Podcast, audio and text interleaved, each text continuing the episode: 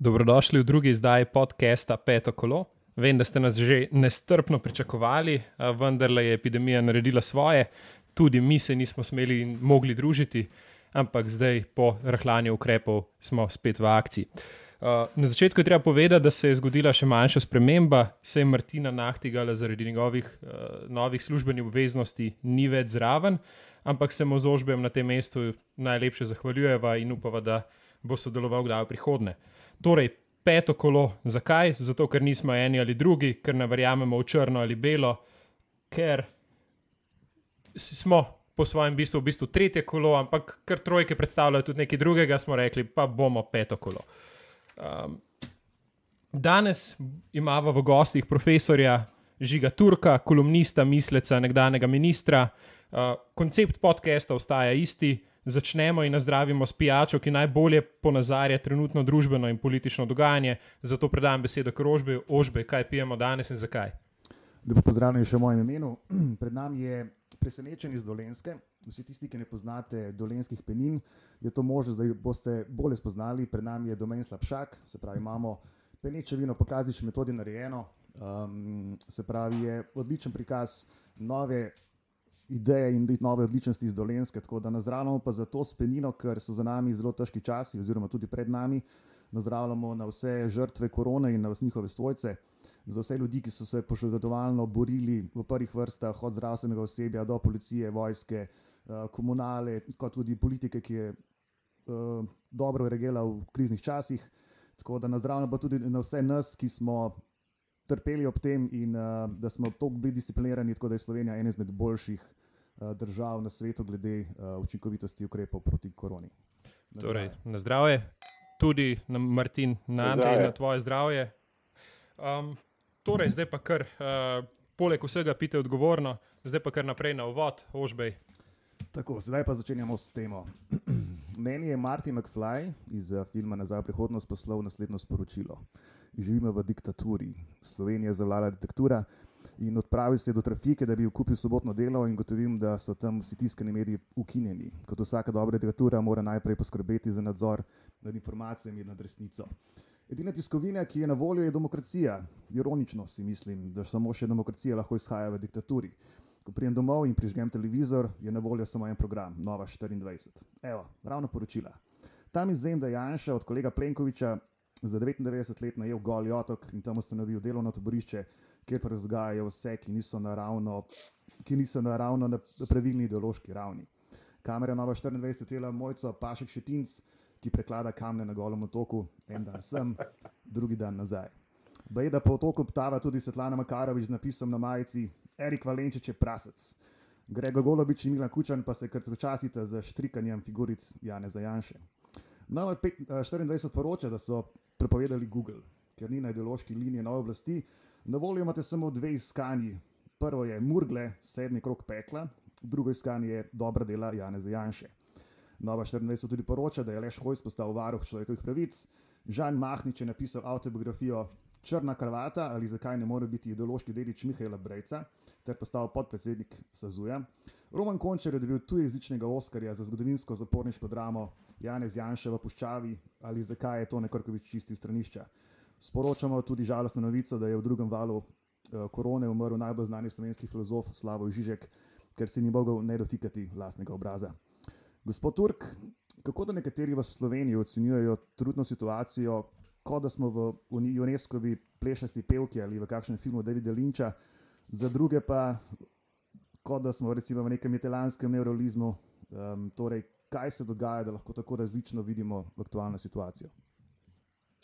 Eh, lepo pozdravljeni, uh, vidva in seveda tudi vsi poslušalci. Dejansko je to vprašanje, se mi zdi, s katerim se, se vsi ukvarjamo. Namreč, um, kakšen je tisti psihološki družbeni mehanizem, ki sproža pravzaprav take valove nezadovoljstva, take proteste, tako vitje rok, tako, tako zaskrbljenost v nekaterih krogih. Prav gotovo del tega lahko pojasnimo s tem, da um, je seveda en, en del slovenskega političnega prostora, oziroma javnega prostora, navaden čitati, spremljati medije, kjer o uh, desni sredini, še posebej pa o Janezu Janši že vsaj 25 let uh, pišejo vse najslabše. Ne, še posebej slabo se mi zdi, da pišejo tam nekje od leta 2008 naprej. Um, in če nekoga toliko časa demonizira, seveda se mora to nekje prijeti, ne? ampak nek dodaten vzgib, ki, ki celo situacijo dela še bolj um, zanimivo, zapleteno, je pa to, da seveda je prišel zdaj na oblast, vlada že 60 dni, nič od tega, kar ste vi zdaj le našteli, ne, kar bi bile neke podobe fašizma, ne, janšizma tukaj v Sloveniji, nič od tega se pravzaprav ne zgodi, tudi čisto nič veliko blažjega se ne zgodi. Ne, torej, Eh, nobenemu novinarju se ni zgodilo nič hujšega od kakšnega čivka, ne, od kakšnega tvita. Se pravi, kakšen tvit je najhujše, kar se v Sloveniji lahko komu zgodi. In se mi zdi, da, se, da, se, da, da je del problema ta kognitivna disonanca, ki nastane med pričakovanjem, med tem strahom, ki je bil še januarja, torej je, je bila panika, podpisovali so akademiki peticijo proti uh, proti novi vladi in tako naprej, kako bo vse strašno, kako bo grozno. Ne? In potem se nič od tega ne zgodi. Ne? In imaš kar naenkrat nek velik razkorak med tem, kar si pričakoval, in med tem, kar se res dogaja. In, um, kako, kako ta notranji konflikt razrešiti, tukaj se mi zdi, da pa različni ljudje iščejo različne poti tudi take, da si poskušajo seveda namalati resničnost, ki bi ustrezala tistim prejšnjim grožnjam oziroma tistim obljubam, ne? kot to, da bom rekel, pripeljejo ta svoj notranji konflikt, ga eksternalizirajo tako, da protestirajo ne? in, in vsaj sprostijo, ne? vsaj dajo pač uh, nekaj, nekaj ven iz sebe. Uh, verjetno do, dodaten moment uh, je povzročila ta epidemija, oziroma to, da so ljudje morali biti doma, da se niso mogli družiti, da se niso mogli povezovati z drugimi. Mislim, da bi bilo isto, če bi ne bilo epidemije, da bi bile reakcije podobne, oziroma ali bi to potekalo drugače. Uh, jaz mislim, da je epidemija gotovo dala en dodaten moment k temu, um, da so šli recimo množično kolesariti. Jaz mislim, da bi bilo težje v nekih kako bi rekel, v nekih normalnih časih, ja, še bi prevzel oblast in potem bi šla zadeva tako kot naprej, pač ne, sem pa kaj bi bil sicer kakšen tweet ali pa kaj tazga. Uh, če bi bilo vse normalno, se mi zdi, da bi bilo težje neko, neko mobilizacijo teh, po mojem mnenju, vse nekaterih dobro namernih oziroma um, rekel, ne nekih, nekih ortodoksnih levičarjev ne, uh, uh, izvesti. Ne? Tako da je bilo nekaj tega, oh, zdaj gremo pa končno lahko ven. Ne? Je bilo protestniško to, ja, zdaj grem pa jaz, um, bom protestiral tako, da ne bom več v dnevni sobi. Ne? Itak se je skozi spraševalo, ali je to potrebno, ni potrebno. Ne?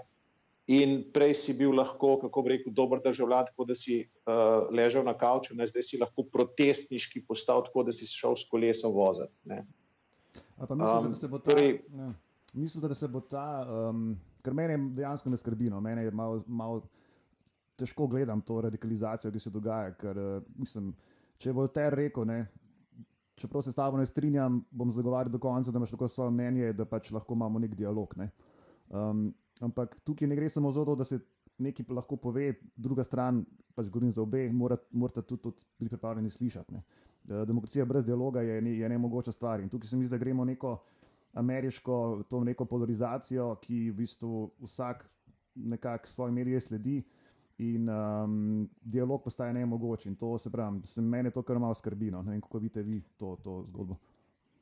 Ne, torej zaskrbljen sem tudi jaz, pravzaprav vse stvari, ki jih v zadnjem času pišem, uh, gredo v smeri in, in govorim, gredo v smeri tega, da um, so bili časi, oziroma so časi težki, in da verjetno gospodarsko prihajajo še težji časi, eh, in da ni dobro biti v Viharnem morju na neki barki, kjer nikoli ne veš, kje bo kdo kakšnega člana posadke poskušal vreči v morje, oziroma kjer se tisti, ki ne bi na tej barki pluli eh, in si med seboj pomagali, drug drugega spotikajo ali se, se celo mečejo v morje. Ne.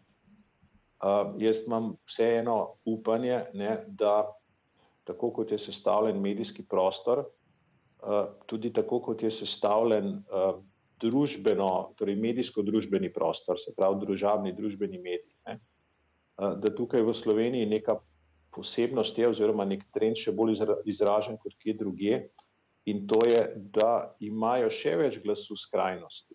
Ne, torej v Sloveniji Dobro, na družbenih omrežjih vemo, da so glasnejši tisti, ki so na robovih, oziroma ki so na skrajnosti, in da se, da se um, zmerni, delovni um, državljani pravzaprav ne, ne mečajo ven na Facebooku oziroma na Twitterju. Ne. Ampak tisto, kar v um, medijski sceni v Sloveniji manjka, ne, bi bili pa neki mediji, ki bi imeli vlogo, bom rekel, nekega normalnega jedra, nekega tistega centra ne, iz jajca, ki bi, ki bi mogel zdržati. Ne. Uh, slovenski mediji so se pravzaprav zelo strumno postavili, uh, vsi tisti, ki jim pravimo dominantni mediji oziroma um, sredstva javnega obveščanja, ne, vsi so se postavili strumno proti vladi. Uh, in v njih imajo zelo veliko besede, pravzaprav točno taki aktivisti, ki so tudi najglasnejši na Twitterju. Ne? In kot poslovni model v tem umirajočem medijskem svetu, se zgodba z vidika novinarjev ni lepa, torej prihodnost z vidika ljudi, ki delajo medije, ni briljantna, ker je to industrija, ki ne raste, ki, ki, ki reže delovna mesta posod po svetu, ne? je neka nervoza že zaradi tega. Ne? Ampak vidijo kot poslovni model ta, da um, utrjujejo confirmation bias, skratka, da pišejo in govorijo tisto, kar njihova publika želi uh, prečitati, kar želi slišati. Ne? In tukaj ni velike razlike med neko tarčo ali pa neko mladino ali pa nekim večerom, ali pa če hočete novo 24. demokracijo na drugi strani. Ne? Vsak servisira, poskuša servisirati svoj mehurček, svoj balonček. Nekega stebra normalnosti, kjer pa imate v tujini nek rahlo desen, pa rahlo lev, recimo dnevnik ali pa televizijsko postajo, zato smo pa v Sloveniji prikrajšani. Ja, ampak se tudi, eh, če skočim še jaz noter, Janša v svojem zapisu o medijih v bistvu posredno prizna, da bo igral vlogo Trumpa, oziroma pove, da je, eh, da je ta način, ki ga izvaja Trump, prinaša nek politični rezultat. Sicer eh, tega ne napiše, da prinaša tudi to dehumanizacijo političnega nasprotnika, o kateri smo ravno kar govorili, ampak da je to tisto, tisto sporočilo, s katerim on dosega svoje in hkrati drži ta nek medijski prostor. Ampak jaz se sprašujem, mogoče tukaj na drugi strani je res treba padeti na vsako provokacijo. Je res treba vsako provokacijo komentirati eh, in v bistvu s tem dajati zalet tem, ki, ki, ki prihajajo iz teh levih ali pa desnih ekstremov. Ne. Jaz tudi, gledajte, če, če grem kolesariti, vem, da si bom, če želim provocirati Janeza Janša, si bom oblekel majico s Titom ali pa rdečo zvezdo in potem upam na to, da me bo Janez Janša retvital in bom dobil s tem neko pozornost. Ne. A je to res pametno delati na dolgi rok, a s tem res samo nagovarjaš svoje ali si zapiraš tudi neko bom rekel, neko normalnost, pa, pa neko zadevo, ki si jo vzpostavil. Tudi, tudi vi ste bili na vse zadnje del neke ekonomske svetovalne skupine, kjer, uh, kjer ste šli zelo široko. Ne. V neki vdaji sem dejal, da, da, je bila, da je bil angažma Mojmirja Mraka, to so praktično mokre sanje vsakega politika uh, skozi moderno slovensko zgodovino in končno v to skupino ga dobite. Uh, Pokazala no, se je nekaj. Mramo, recimo, je bil zraven ali pa Marko Jaklič, skratka, ljudje, ki jih nikakor ne bi mogli uvrstiti na, na tesno sredino. Ne. Tudi to, ampak jaz potem te radikalizacije ne razumem. Zakaj, če smo šli široko, to je, jaz to jemljem kot izredno neko pozitivno stvar, to je ekonomsko svetovalna skupina, pokaže se, da se signal na vzven evo, skupaj smo zmožni, skupaj zmoremo, potem se po naslednjem trenutku retvita in dela na nekih ekstremih naprej. V bistvu eh, z ritjo porušaš tisto, kar si z rokami gradil. Ne? Kaj ste mi dali zdaj, kupi stočnic? Seveda, ja, malo sem na mestu. Najprej, kako bi rekel, se mi zdi, da neko razumevanje za stanje, v katerem so novinari in v katerem so mediji, neko razumevanje za to moramo imeti. Moramo imeti Predvsem tisti, ki niso v RTV Slovenija, ker so res, eh, bom rekel, karjerno, službeno, finančno eh, v, v, v težki situaciji, to, kar neki nervozi, prav gotovo prispeva in verjetno k temu, da si, da si iščejo publiko, ki bodo oni nesli zastavo potem proti, proti sovražnikom. Zdaj, ta paralela s Trumpom ne, je um, seveda na prvi pogled uh, drži. Ne. On je uspel z svojo, bom rekel, medijsko pojavnostjo, s provokativnostjo, z direktnim jezikom. Uh, zelo dobro je uspel. Ne. Ampak nekaj razlik je. Ne. Trump je predvsem izdelan, izdelan showman. Ne. On je bil izredno uspešen, on je imel izredno uspešne gledane um, bom rekel, uh, kako se temu reče, reality šove na ameriških televizijah. Skratka, on, kamera, govoriti, reagirati. Um, to, je, to, je, um, to je nedvomno. Ne?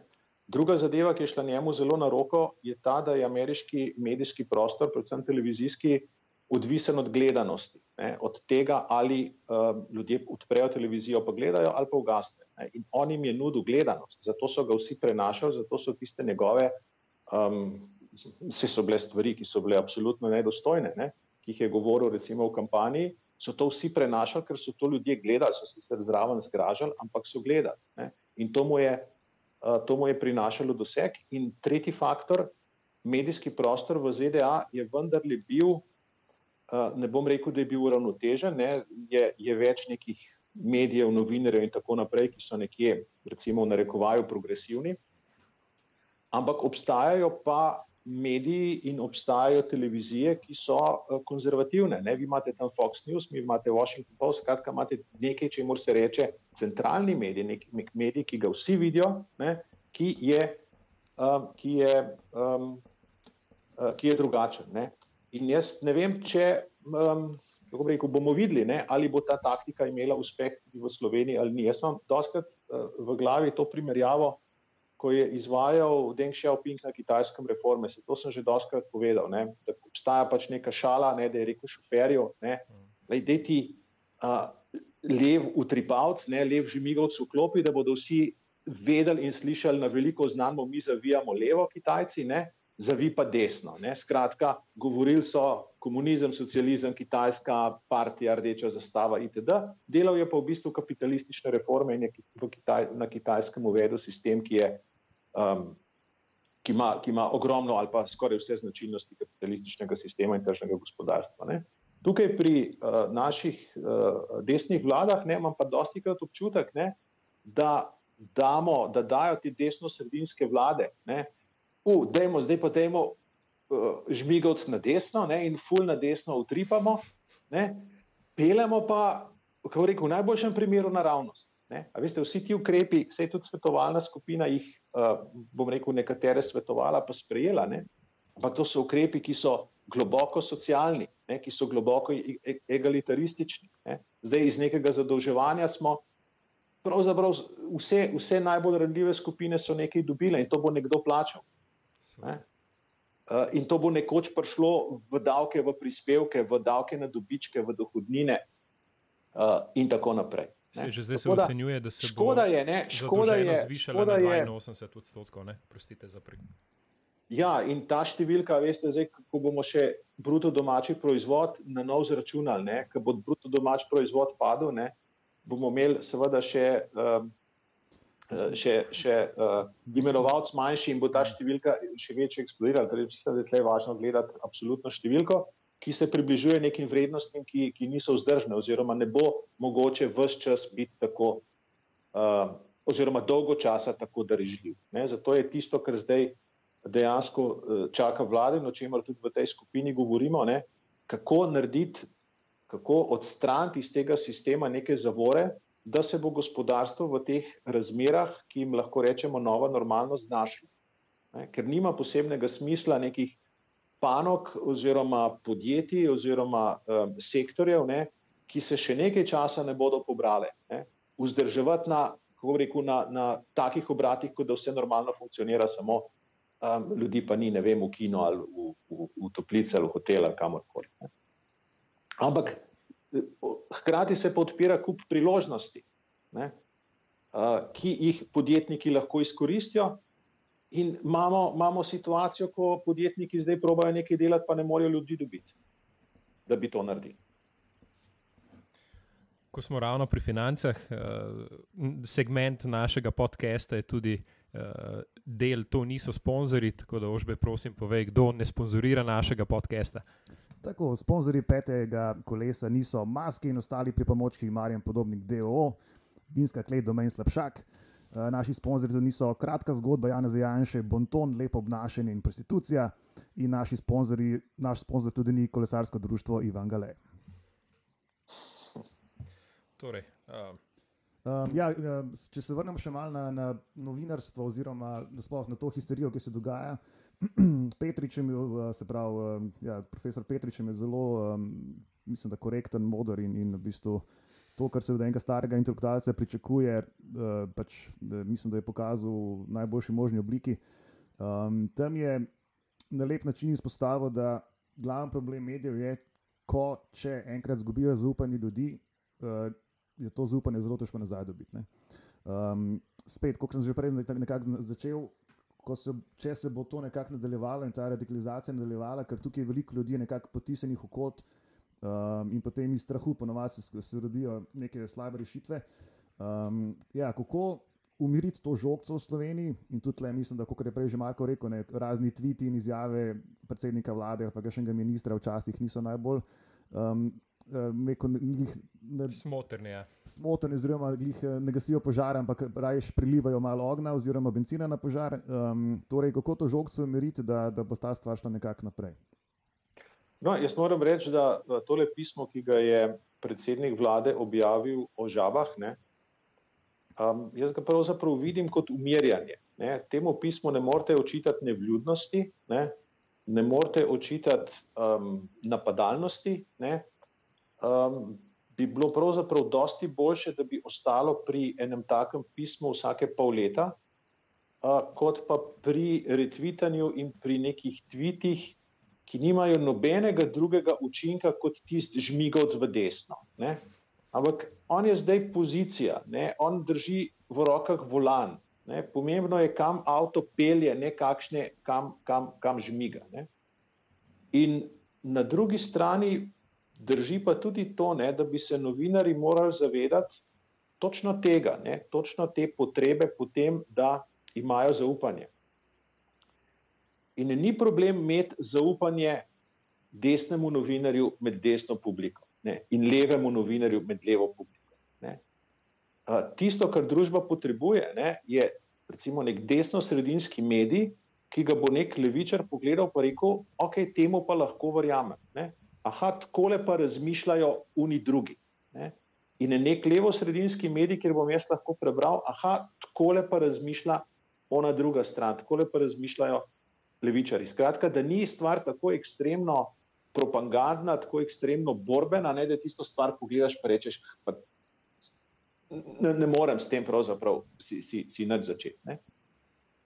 In ta prostor, medijski prostor na sredini, ne, je iz, eh, po moje, tudi iz poslovnih razlogov v Sloveniji popolnoma izpraznjen, ker klikov ne prinaša nekdo, ki bo rekel, vse je kar v redu. Ne? Kliki prinašajo, fantastično je, to je najboljša vlada, ever, ne? in klike prinaša katastrofa, barabe, korupcija itd. Ne?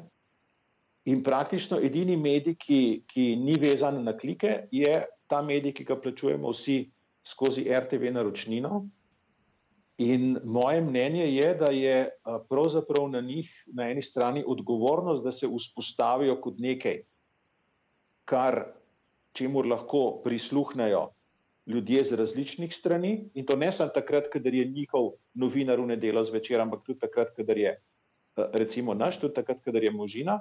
Ne, ne samo, skratka, da, da, da se ustvarjajo ali ne, usporedne oddaje, ki so, kjer se menjujejo mečkan bolj lev, mečkan bolj desen pogled, oziroma da so tiste oddaje, ki so nekako temeljne, ne vem, odmevi, TV dnevnik eh, in tako naprej, eh, da so, kako bi rekel, da poskušajo biti resnico ljubne. Ne? To je pa tisti pridevnik, ki, ki je, se mi zdi, medijsko uh, najbolj pomemben. Mene ne briga, če so neodvisni. Ne? Če, če si neodvisen, pomeni, da lahko delaš, kar hočeš. Ne. Jaz pričakujem, da so resnicoljubni in se mi zdi, da je to preživetveni model uh, ne, nečesa tacga, kot je uh, javna radio televizija. Ne. Ob tem, ko bodo vsi ostali bežali za to, da bodo utrjevali predsotke svoje publike, ne, se, se v sred se nekje formira nekaj, kar pa lahko, um, če, kar pa lahko vsi poslušajo in, in kar nekaj verjamejo tistega, kar tam slišijo. Tako da odgovornost, no, tako bi rekel, ne, odgovornost za, za prihodnost, za to, da bo ta center, da bo ta naš center zdržal. Ne. Ja, imamo tisti, ki se sem pa kje, ki je oglasimo, pa kaj napišemo. Ne. Nekaj malega imamo ti odgovornost za to. Ne. Ampak uh, glavno odgovornost za to ima na eni strani politika, ki se mora ukvarjati s tem, kam in kako avto pelje, ne kam daješ migavce in na drugi strani mediji, ki se morajo truditi ustvarjati neko skupno uh, realnost, ki jo tukaj v Sloveniji živimo. Ne? In boljša od mozaika različnih realnosti, pa tudi če je ta mozaik, to je druga najboljša varianta, da imaš mozaik zelo različnih zadev. Ne? Ampak je še dolga do tega, da bo ena nova 24 imela tak budžet kot RTV Slovenija, pa Pop TV skupaj. Faktor 100, po moje, razlike v, v, v financah. Tako da, pamet v roke. Um, če gremo iz Slovenije na malo širšo zgodbo, se pravi Evrope. Um, vi ste sodelovali veliko z raznimi evropskimi think tanki, oziroma verjetno še sodelujete. Um, kako vidite prihodnost Evrope z, z vidika te krize? Um, kako, ja, ali bo to še bolj rekel, porušilo ravnovesje, oziroma bo več problemov kot koristi na koncu tega? ali bo to nekako povezalo Evropo in, in, in spravilo v neko drugo, drugo. Predvsem z obzirom na to, da mnogo, mnogo teh očitkov prihaja iz Italije in južnih držav, da je ta evropska solidarnost spet zatajila. Ne? Oziroma, da gre prepozno. Se lahko tudi slišimo tudi pri pripravi ukrepov v Sloveniji. Uh, ocenjeni so nekje na 6 milijard evrov, hkrati, pa, hkrati pričakujemo, da nam bo Evropa dala tisto slabo milijardo oziroma 900 milijonov.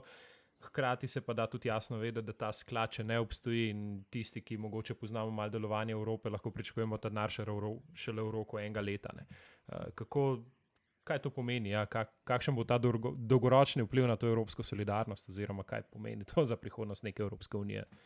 Uh, jaz ne vidim, da bi ta kriza oziroma ta epidemija dala nek pospešek, um, kako se temu reče, ever closer union, ne vedno tesnejši uniji. Eh, mislim, da ravno obratno. Mislim, da uh, so se članice še bolj zavedle, kako so v tistih kritičnih situacijah prepuščene same sebi in kako je koristno, da imajo uh, same pri sebi škarje in platno. Jaz verjamem, da bo Evropska unija zdaj za naslednjo epidemijo pripravila neke zaloge materijala in se bo znala obnašati, ampak naslednja kriza, ki bo res kriza, bo spet neko presenečenje. In le se pač pokaže, da Eh, nacionalna država, tudi v smislu tega, uh, koliko si pripravljen biti solidaren, ne, je še vedno za velikostni razred večja pripravljenost biti solidaren, ne vem, recimo med Koprčani in Mariborčani ali pa med Primorci in Štajerci, ne, uh, kot je med, uh, ne vem, Bavarci pa med Primorci, ne, če, če, če karikiram. No, da, recimo, niso nevarne tendence, zdaj je Matteo Salvini, nekdani italijanski premijer, napovedal, v bistvu začel graditi svojo politično kampanjo na tem, da, da nam ni treba spoštovati meril, ki nam jih usiljuje Evropska unija. Dobro, vem, da predstavlja neko skrajnost, da je del tega, o čemer smo prej govorili, ampak eh, vendarle je bil premijer, vendarle je takih tendenc tudi v Evropi kar nekaj, se tudi v Sloveniji. Takih tendenc je veliko, in prav gotovo bodo eh, populisti in protievropski politiki imeli veliko zaslombe v tistih državah, za katere tudi odkrito povedano, na bolj varčnem severu Evrope ni pravega posluha. Uh, tukaj so uh, članice evra pravzaprav ujete v, ta, uh, v to skupno valuto, iz katere so Nemci, Nizozemci, pa mogoče še kdo zraven, naredili prostor valut, v katerih je zlata podlaga praktično. In to um, za cel kup držav na jugu Evrope enostavno ni sprejemljivo. Tudi, um, bom rekel, ob vsaki taki krizi Nemčija skozi celo strukturo svojega gospodarskega prostora uspešno izvozi krizo v, um, bom rekel, okoliške države oziroma v tiste države, s katerimi trguje. V dobrih časih Slovenija lepo trguje z Nemčijo in uh, ne, dobavljamo različne zadeve za njihovo avtomobilsko in druge industrije. Ko so časi slabi, bom rekel, Nemci nehajo kupiti pri nas, pa mečkam več naročujejo v Nemčiji. Ne? Skratka, izravnavajo tiste gospodarske cikle, ne? izravnavajo preko Ja, uh, šibkejših držav. Oni izravnavajo nacionalne cikle, ne se tako, kot ste rekli, ja. hkrati pa vlečejo in... nas celotno periferijo. Ne. Oni so delali svoj čas presežke v proračunu izjemno velike, pa tega denarja, teh presežkov vendarle v to periferijo niso vlačali. Ne. In to v bistvu na dolgi rok pomeni, da izprazniš periferijo neke izobražene delovne mase in potem nenadoma se, se ta cikl ne more več vrteti. Um, tako je. In... Mogoče, če če eno hitro vprašanje, evropske obveznice da ali ne. Nemško ja, sodišče je tukaj zelo jasno, jaz, jasen eh, signal. No, ta, odločitev, ta odločitev nemškega sodišča je zelo zanimiva. Po eni strani mi je všeč, zato ker um, na jasen način kaže, uh, kje je na koncu suverenost uh, v Evropski uniji. Je pri članicah in to si tisti, ki nasprotujemo vedno tesnejši uniji, uh, želimo. Ne? Uh, tisto, česar se mora Nemčija zavedati, je, ali pa tisto, kar po mojem vsi vemo, ne, je, da skupni trg je fajn, da ovire, uh, torej, da, da svoboščine, ki veljajo na tem skupnem trgu, ugodno vplivajo na gospodarstvo vseh državah članicah. Uh, se pa morajo tiste države, ki so najbolj razvite, najbogatejše ne, in ki se v tem trgu najboljše znajdejo, zavedati, da so tudi od tega trga odvisne in da to tu pa tam kaj stane. Uh, in um, to tukaj čaka Nemčijo, pravzaprav vprašanje, ne, ali se je sposobna postaviti na čelo te uh, Evrope, ki, um, bom rekel, deluje skupaj tudi kot, uh, bom rekel, finančni prostor, ali pa ne. ne. Um, ja, vrnimo se še mogoče, mislim, prej smo v Nemčiji govorili, oziroma zdaj. Uh, v Nemčiji je tudi uh, gospod uh, Zgaga dobil pač priznanje za novinarsko, rekel, um, za novinarja. Um, kako to zgleda, če se Slovenija pojavi v družbi Belorusije, Rusije, Venezuele, Irana, Zimbabveja, Ugande, Turčije? Um, mislim, to zgleda kot če bi takrat več dobil gospodarsko priznanje v družbi podjetij iz Moldavije, Kosova in Tadžikistana. Ne? Oziroma, kako, kako gledate na ta, ta vidik? Um, s... no, jaz, jaz nikakor ne bi gospoda z Gage primerjal za Krapoviča. Ta, ta primerjava se mi zdi, da vam ni najboljše uspela. Um, jaz bi drugače rekel, ne, torej, uh, tisto, kar, se, kar sem jaz najprej pomislil ob tem, da je to edina evropska nagrada, da situacija očitno v neki mačarski niti ni tako slaba, kot beremo, da na Poljskem ni tako slaba, kot beremo, da v Kataloniji, ne, a, kjer so, kjer so um, ukinjali spletna mesta oziroma prepovedovali dostop do njih, zapirali novinarje, ne, a, da situacija ni tako slaba, da tole, tako kot je medijsko v Sloveniji, ne, da to je najslabše, kar se novinarjem tako rekoč lahko zgodi. Ne. In zdaj A ne jaz verjamem, kako slabo je novinarjem, recimo v Turčiji, ne, če so vsi take žrtve v narekovaji kot gospod Zgaga. Jaz mislim, da tukaj je Deutsche Welle naredila eno, eno velikansko napako, ne, ker so s tem razvrednotili vse tiste, ki so pa res žrtve nekih režimov. Ne. Um, kako jim je to uspelo, je drugo vprašanje. Um, Veste, ta omrežja delujejo uh, tudi mednarodno. Uh, novinari so verjetno povezani, imajo prijatelje, si pomagajo. Ne? In um, to je Romana Tomc dobro spraševala, da če vele, okay, kdo ga je pa predlagal, kjera komisija je pa to, kjera komisija je pa to odločila. Ker objektivno, veste, vi take nagrade ne morete dobiti, če vam en predsednik vlade napiše, niti ne vem kaj, ampak ne, neki verjetno ga ni pohvalil. Ne?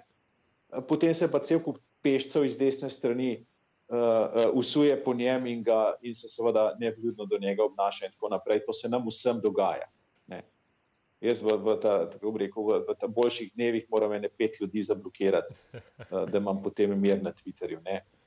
Uh, in kaj zdaj, a ne, a ne kakšno nagrado, ki iščem zaradi tega. Ne? Če mogoče naredimo še korak naprej, oziroma pogledamo malo kristalno kroglo, um, kaj nas čaka do konca mandata te vlade, oziroma bo ta vlada zdržala. Zaenkrat se kaže to, da gremo, peri, da gremo po korakih se napada koalicijske partnerje najbolj. Uh, to se pravi, najprej sta bila na vrsti Nova Slovenija in SMC, danes je na tapeti Desus, to se bo verjetno zavrtelo. Uh, po drugi strani gre pričakovati, da bodo te petkovi protesti trajali še kar nekaj časa, oziroma se ponavljali vsak petek. Ja, do konca mandata je leto in pol, kje nekje pričakujemo, kaj bo ta vlada naredila, kako bo za naprej, kakšne so vaše prognoze za naprej.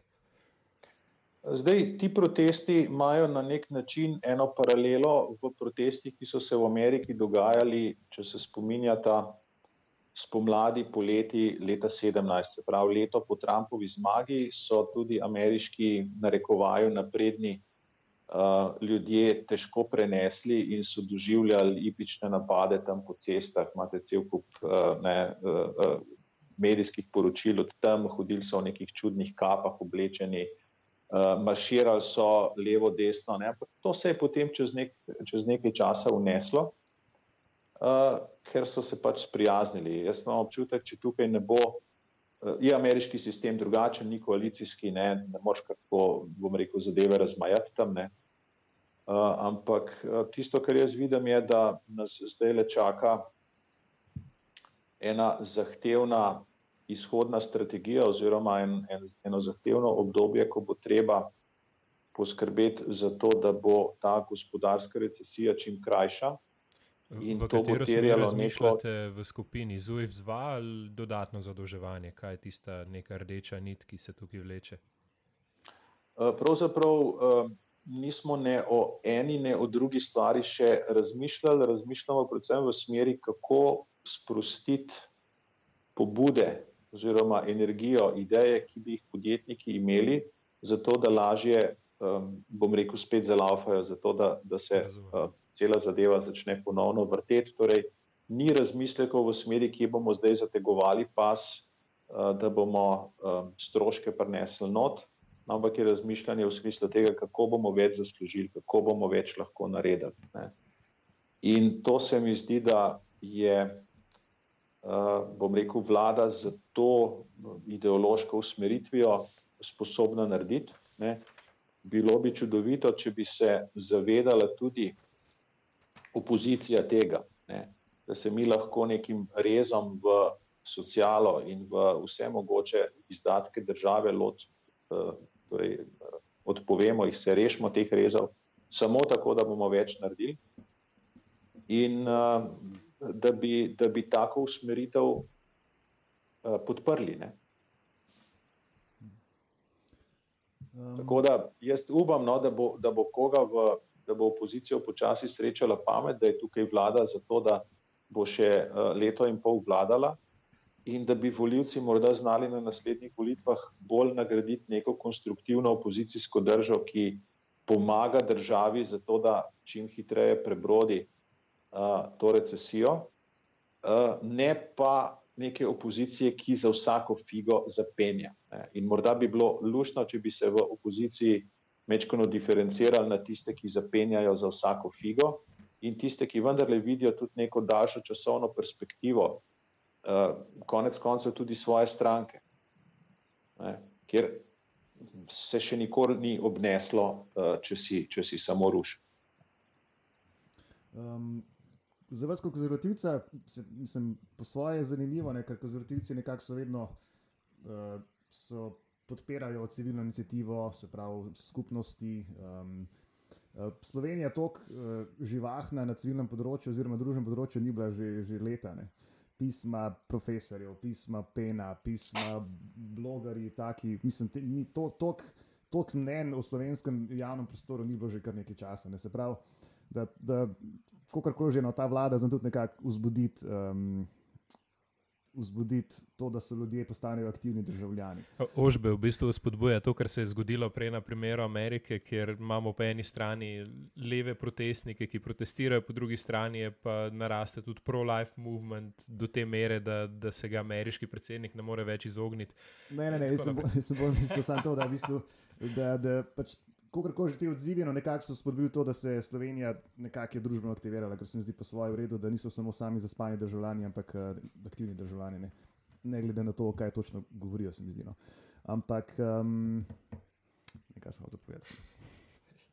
No, čas se je vsekakor zgostil. Uh, čas teče hitreje in vsi procesi, ki so se prej pacali in so se obračali počasi, vsemu temu je ta kriza dala pospešek. Ne? Tako nekim procesom, ki so se dogajali v Evropi, neke napetosti, recimo med severom in jugom, ne?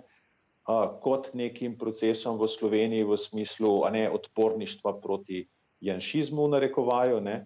Uh, vse stvari taka kriza katalizira. Ne? Vsi smo več gledamo televizijo, več se oglašamo, promet na Twitterju je šel uh, izredno gor, ne, več se gledajo podcasti, več se, gleda, uh, več se gledajo različne oddaje. Um, in, in to je fino. Zdaj, tisto, kar, je, kar bi mene vsem zanimalo, je, ne, ali, ali so se, so se pojavili kakšni novi ljudje, ki se oglašajo, ne, ali so samo tisti, ki se tudi sicer trudimo. Uh, se oglasimo večkrat. No, Ivo, torej, Gales je vse dvakrat. Teza, ne, da je zdaj civilna družba v razcvetu, ne, a, a nas je več. Ne.